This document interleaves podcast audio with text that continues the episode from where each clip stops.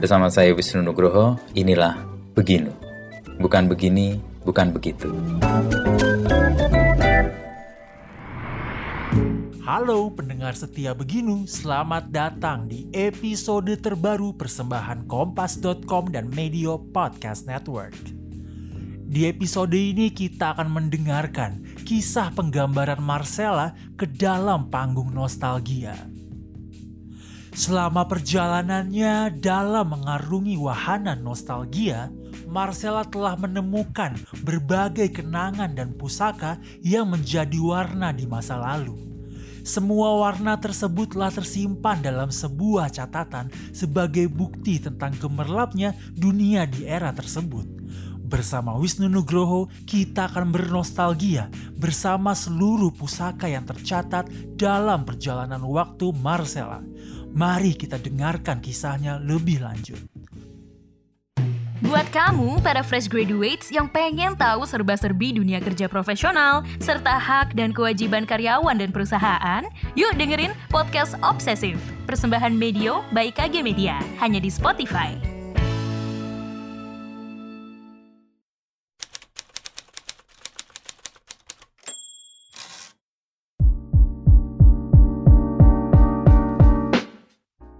Gue kaget loh dapat buku ini dulu pertama. 2000 2013 saya gue kira-kira dapat 2014 an lah. Setelah ini happening banget baru gue waktu itu main ke KPG juga. Lo lo lihat buku ini dong. Uh, gue kagetnya bukan apa-apa setelah baca. Ini kok mengenali betul kegelisahan, kegembiraan, kesedihan generasi gua gitu. 90 Iya, Kak. ada di sini semua. generasi 80-an. Loh? Enggak ya, 90-an.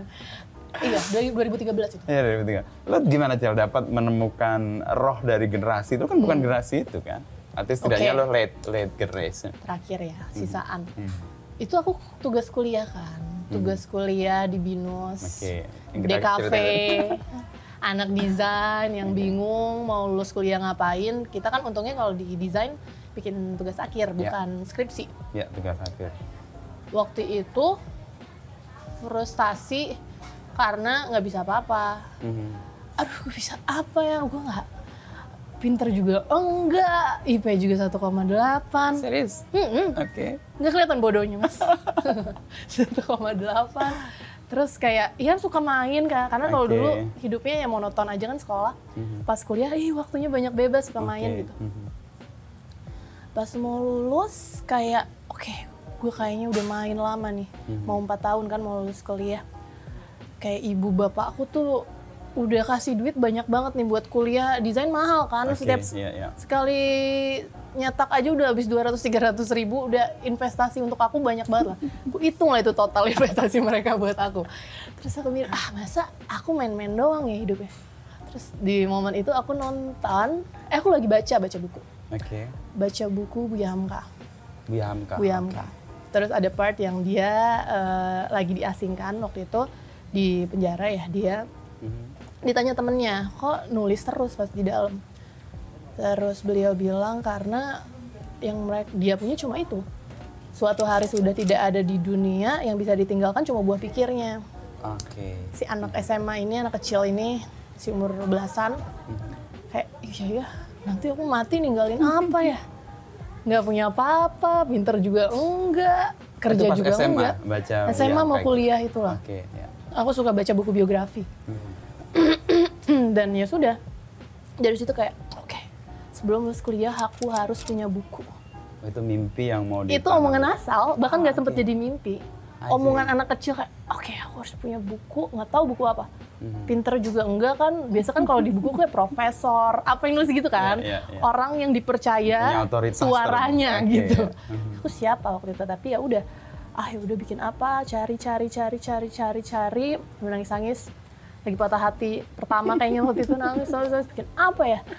Sampai akhirnya kayak ada tiga judul aku waktu itu. Satu pengarsipan pop culture Indonesia. Itu udah di tugas akhir itu. itu aja Oke, pengarsipan ide pop culture pop Indonesia. culture Indonesia. Oke, satu. satu itu kedua eh, mimpi pencatatan mimpi. Pencatatan mimpi. jadi kayak mimpi yang mau aku tanyakan ke orang dewasa mimpi apa Yang pernah dia pernah dimiliki. lakukan Ah. waktu kecil Oke. karena aku pikir kadang itu jadi kayak apa ya kadang kita lupa terus harapannya suka semangatnya turun gitu ya. menurun, apinya hilang karena Ingat lupa itu dulu tuh ya. pengen apa ya. Mhm. Yaitu ketiga buku peribahasa. Peribahasa. Peribahasa, Oke. suatu yang aku nggak dapet pas makin tumbuh kayak aku nggak familiar sama peribahasa Indonesia kan. Mhm. Jadi kan ya udah apa ya? Ajuin itu tiga, yang paling susah pengarsipan pop culture Indonesia. Karena nyari datanya susah. Oh iya pasti. Nyari datanya susah, aku googling semampuku nemu. nyari cover album aja tahun 80 Susah sulit, banget. Ya. pecah, filenya susah. Kayak, oh berarti ada problemnya ya. Mhm. Aku lihat di luar mereka punya satu website khusus poster film, satu Tahun website sekian, tahun khusus sekian. musik, pencatat pengarsipannya rapih gitu. Mhm. Terus aku pikir aku yang kuliah di desain, aku tuh pengulangan kan, Ya. cari referensi dari apa yang pernah terjadi sebelumnya, Belum menciptakan sesuatu ya. menciptakan sesuatu yang baru gitu ya, nothing new under the sun gitu Mhm, kayak aku percaya aku nggak bukan inovator di era sekarang yang bikin semuanya fresh enggak. Mhm. Saat kita hilang data-data sebelumnya, pengulangannya tuh identitasnya lama-lama memudar dong Iya. yang ada di Indonesia kita lama-lama mencontoh apa yang jauh aja gitu padahal yang di dalamnya banyak, yang Banyak. menarik gitu Mhm. tapi karena aku bukan sejarawan kayak aku mau bahas yang terlalu lama aku nggak mampu ya otakku Mhm. jadinya udah yang kayaknya waktu kecil aku tuh seneng apa ya Ah, berangkat dari kesenangan masa kecil. iya kayak oh iya ya dulu waktu kecil tuh aku ikutan ngerekam kaset niban kaset bapak aku Oh ngalamin. ngalamin Lagi denger radio. aku tiban Oke. kaset Lia yang ditiban gitu ya. kayak hal-hal sederhana Lia iya. nggak pada tahu kali ini kursus bahasa Inggris di era kami. Iya, itu kayak hal-hal kayak gitu yang aku kan contoh aku punya kakak yang jaraknya tujuh tahun, aku punya kakak tiga dan tujuh tahun, jadi aku ngikutin dia kan anak bontot. Dia baca apa aku yang Ikut baca, dia nonton apa aku ikut. Akhirnya kayak iya ya, aku nggak menemukan data-data ini terarsipkan dengan rapi. Oh, problem itu yang pertama Dari situ. ditangkap. Oke. Mhm. Dari situ aku ajuin, aku inget dosenku Pak Rujianto bilang kalau kamu bisa bikin ini, ini jadi buku sejarah yang menghibur. Wow. Wah, kombinasi yang menarik. nih. Sejarah yang menghibur. Iya, sejarah yang menghibur. Mhm. Karena kalau ngomongin lima tahun, oke lah kita nostalgia. 10 tahun, 20 tahun nostalgia. Mhm. Tapi 10 tahun, eh 50 tahun, 100 tahun jadi sejarah kan. Iya, iya. Dan oke, kayaknya susah tapi Mhm. hidupku terlalu gampang. Aku mau coba yang susah ini. Gimana men-solve problem susahnya itu? Kan kita kearsipannya kan Iya, buruk berantakan. ya. Tidak ada. Bahkan tidak ada. Kalau buruk pasti masih ada ya. Tidak ada. Lalu Cela menemukan apa tadi pop culture Hmm, arsip Indonesia itu berangkat dari mana? Dari Pengarsipan Indonesia. Startnya aku punya temen kerja di HAI. ah, Ata. Eh, Aku bilang, Ah, itu dulu tempat aku ingin bekerja pertama. Oh iya, pada masa itu kan kayak keren Iya, banget iya. kerja di HAI gadis. Betul, betul. Kawanku dan Iya, iya.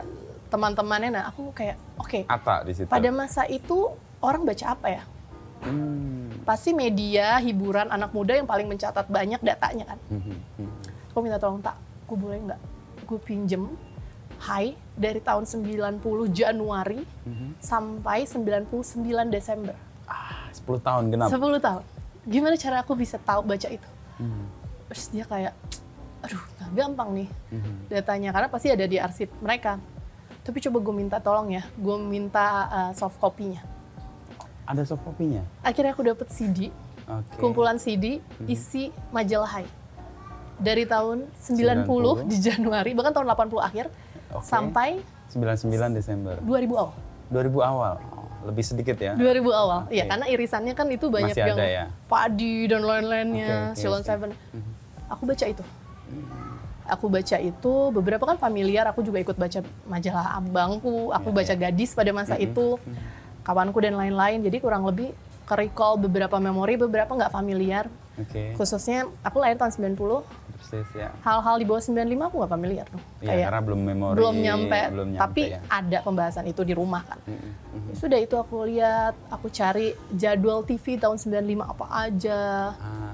Kayak kurang lebih ada nempel tapi nggak ada. Ya udah dari itu data banyak banget. Aku coba riset di Twitter 2012. Pakai Twitter sebagai Pakai Twitter. alat riset. 2012 kan Twitter, uh, Baru lagi semua seru-serunya. orang lagi rame di sana. Ya sudah, Oke. aku mencoba, oke coba deh anonim, aku bikin 2012, aku ingat start 29 Februari 2012, which is Kabisat yang ulang tahun generasi 90-an tuh 4 tahun sekali. Iya, iya, iya. Dan hari itu tiba-tiba reaksinya, responnya baik. Sudah dua tahun riset. No, no, no. itu. Iya, setahun satu setengah tahun riset dan rilis. Hmm. Dan alhamdulillah pada waktu itu lumayan lah Iya. untuk anak kuliah baru lulus. Itu baru baru lulus ya? Oke, Baru iya, banget. baru lulus. Nih, kan tadi 10 tahun ya hampir. Itu kira-kira kan dari 500-an edisi lah ya. Iya. Kalau satu tahun 50 edisi kali 10 Iya. 500. Lalu kita Cela meringkaskan menjadi ini kan ada proses memilah Ya, lalu memilih ya. Ya, ya, ya. Apa yang pijakan Cela untuk memilih ini, mewakili ini, mewakili ini dan ketika gue baca gue ngerasa anjir nih orang memahami banget ge- generasi ini gitu. Oke. Milihnya gimana? Standar kerjain skripsi, Mm-mm. interview, Oke, eh, riset, aku bikin kuesioner. oke. bikin kuesioner, aku dapat berapa ribu kuesioner keisi. Eh, tapi yang paling aku pakai memori yang paling kuat aku ingat. Ah, Karena dengan itu ya. ada feel-nya kan, ada iya, kayak sisi personalnya di buku itu. mhm. Jadi aku Nggak gitu mengulang, ya? iya Ya. mengulang.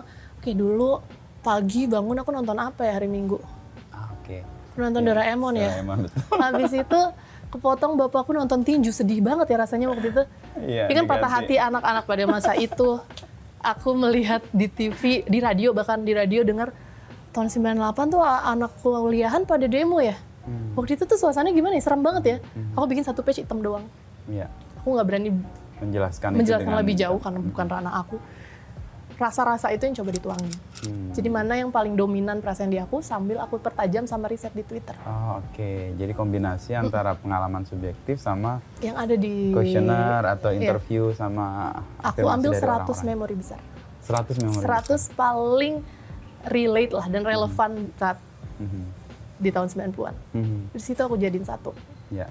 Aku visualkan karena PR tugasku sebenarnya sebagai an- anak desain adalah menerjemahkan ke bahasa desain kan bahasa visual. Persis. Ya. Itu yang aku pelajari di kampus. Mhm. Jadi aku hanya menerjemahkan aja apa yang ada di Mhm. publik.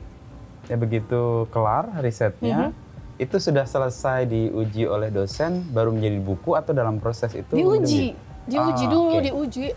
Aduh mas, aku tuh bodoh ya, maksudnya nggak pernah dapat sepanjang kuliahku. Untuk pertama kalinya yang dapat A plus nih cuma ini. Wow, di, Di mana-mana. aku bangga sih sama diriku sebenarnya. Oke. Ya pada proses itu akhirnya kan aku pakai skema standar skripsi, proses kreatif, Ya, ya. mind mapping dan lain-lainnya aku pakai teori yang aku pelajarin di kampus. Dan setelah diuji dosen pun happy, aku total banget karena kayak ya ampun, aku belasan tahun main dari kuliah dari SMA gitu masa di enam bulan terakhir aku kuliah aku nggak mau serius sih. Aku terlalu serius akhirnya di enam bulan itu. Oh gitu. Terlalu serius. Kayak kembali ke mimpi waktu SMA itu kali ya, baca Bikin Buya buku. Hamka, terus Iya. kebayang bahwa meninggalkan jejak dengan buku itu. Betul, itu yang aku pikir dan ini pesan besarnya sebenarnya di akhir adalah ini pesan yang mau aku kirim ke anakku di masa depan. See. Suatu hari eh, dia di tahun 2040 dia remaja atau tambah dewasa saat dia tidak bisa menghargai proses saat itu sulit dia untuk menikmati hal kecil yang terjadi di saat. Dia tumbuh itu. Pesannya itu ya. Jadi aku pikir gimana caranya orang bisa dia hidup penuh hari itu saat dia nggak tahu apa yang terjadi sebelumnya gitu. Iya, iya. Dan ini yang aku coba kemas di buku itu. Mhm. Tapi dalam perjalanan hidup kan memori itu kan sebenarnya nggak punya peran yang banyak ya. Ya. Yang harus kita lakukan kan Ya, hari ini sebenarnya Ya. dan masa depan juga sebenarnya kan nggak terlalu Sangat, penting. ya. Nah pentingnya sejarah ini menurut Cela apa? Dari lingkup kecil aku, Mhm. aku sebagai anak desain, aku selalu butuh referensi. Ah, aku selalu oke. butuh benchmark lah. Mhm. Pada era ini ada apa, seperti apa stylenya, mutu warnanya kayak apa. Iya, iya. aku bisa mendaur ulang kembali di sekarang gitu. Karena kapasitas otakku cuma segitu doang, se- seberapa ide baru yang aku punya gitu kan. Jadi sejarah atau masa lalu itu berguna banget untuk aku create inovasi baru sekarang. Karena banyak di sana yang lebih pure, maksudnya sesuatu yang mentah yang kayak Iya, iya. dengan keterbatasannya mereka menciptakan sesuatu solusi yang sekarang udah sangat Banyak, terbantu banyak. teknologi dan lain-lainnya dan dari situ aku ngerasa nggak bisa hidup kayak dengan kecanggihan sekarang tanpa ada proses Yang sebelumnya. lama. Iya, iya, iya. Jadi untuk aku di bidang seni itu berguna Mhm. untuk aku menciptakan pembetulan, pembaharuan, perbaikan dari yang ada sebelumnya. Dan sadar nggak ini jadi benchmarking untuk anak DKV setelah Cela. Itu impianku. Itu impianku beneran. Bener ya? Itu impianku karena dulu kan kita anak desain dapat buku desain tuh paling di Aksara Persis. Ya. Atau di toko buku atau di perpustakaan Ya. yang sedikit Mhm. yang adanya paling buku-buku lama gitu. Ya. Sedangkan dulu belum ada Pinterest Mhm. yang sudah terkurasi lah. dulu paling Yahoo atau apa nge-search ya kan. Eh, aku beli buku tuh susah banget. Mhm. Satu buku dulu 200 ribu sampai 1 juta. Ya. Buku grafis. Ya. Di aksara Di emang harganya Aksara. segitu. Harganya range-nya segitu, 200 ribu sampai Atau 1 kalau nggak, juta kalau lebih. kita ke bandara lah, kadang-kadang Iya, ketemu ya, betul. dan harganya pasti mahal banget. Bener. Aku cuma bisa datang setiap hari mencari Mhm. referensi, nggak bisa beli kan. Bolak-balik aja. So aku pikir kok nggak ada buku grafis ya. Buku Gramedia datang, komik Mhm. banyak. Mhm. Komik banyak dari kita kecil. Eh, buku novel bagus-bagus banget. Tapi buku grafis kok nggak ada itu di bidangku ya. Mhm. Aku butuh itu. Aku butuh ngobrol, komunikasi sama orang pakai visual, Iya. pakai gambar, pakai sesuatu yang tidak banyak tulisannya. gitu. Mhm. Aku datang ke Maspak waktu itu. Oke. Aku- Dari setelah selesai. Maspak menemukan aku lah. Oh, Mas, bukan aku datang ke Maspak. Maspak prosesnya- menemukan aku. Iya, tapi betul kan satu ditemukan Betul. lalu satu mendatangi kan iya. ya. Aku datang ke KPG. Mhm. Maspak bilang kenapa buku ini harus rilis. Mas Pak men-challenge Nanya. selalu dia kalau ada penulis Dia nanya. dengan naskah. Nah, kenapa aku harus si liris? anak sotoy itu 21 tahun usiaku, 11-12 tahun lalu, Oke. aku bilang, Mas, aku tuh kuliah di kafe. Mhm. Aku butuh buku referensi. Harga buku referensi itu 200 sampai 1 juta. Aku nggak mampu, Mas. Ya. Bisa dibilang keluargaku middle class. Oke. Untuk middle class aja aku nggak mampu. Apalagi teman-teman lainnya. Mhm. Mhm. Yang mungkin dia, bukan mungkin, kita sangat butuh. Karena untuk kita TA aja, kita disuruh bawa tiga buku visual. Ya. Buku itu biasa pinjem Mhm. kakak kelas. Kakak kelas atau perpus ya yang ada aja lah gitu. aku hitung, DKV di Indonesia ada sekian. Oke. Aku ngomong dengan sotoy.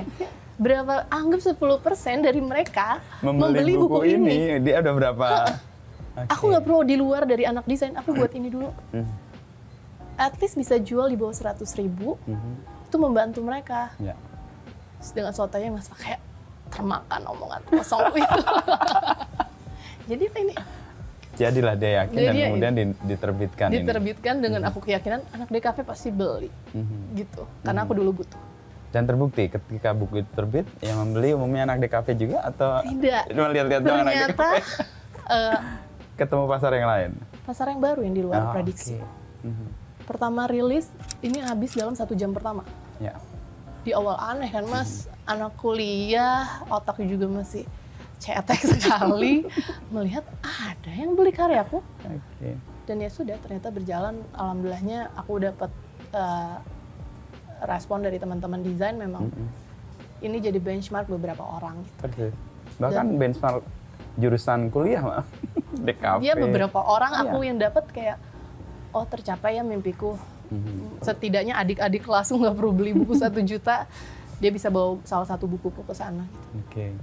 Nah ini kan Cela tadi menemukan buku ini dari kegelisahannya kan, Ya. mengarsipkan itu lalu kemudian juga di challenge sama Pak Pax, Mas Hmm, Pax kan. hmm. Ini siapa yang beli? Ya. Problem yang Cela kasih diterima tuh. Ya. Cela selalu membuat karya atau membuat uh, proses kreatif itu memang berangkat dari sebuah problem atau Pastinya masalah yang iya. muncul gitu ya Pastinya dihadapi. iya. Mhm. Semua karyaku sangat personal, Mhm. sangat personal. Selalu ada pesan eh, yang terselubung di dalamnya. Mhm. Yang mungkin saat ini dibaca orang-orang yang aku tujukan, itu maknanya Oke. jadi beda. Ya, ya. Dan mungkin itu eh, energiku sebenarnya untuk bikin Hmm. karya. Mhm. Dan sisanya dikemas kan aku pernah di agensi, Ya. aku kemas dengan ilmu yang ada di agensi itu. Mhm. Kreatif, marketing, Mhm. eh, ya bikin USP dan lain-lainnya, yaitu sambil aku karena aku profesinya itu. Jadi dua hal itu Mhm. yang aku lakukan untuk setiap karya. Tapi rohnya adalah pengalaman Personal. personal ya. Kemudian diberi bungkus atau di Diberi sisi marketing yang mungkin nggak semua teman-teman seberuntung itu pernah kerja di agensi atau punya orang sekitar yang bisa support dia. Karena kan ini kayak dunia akhirat ya, Iya. sisi kreatif sama bisnis.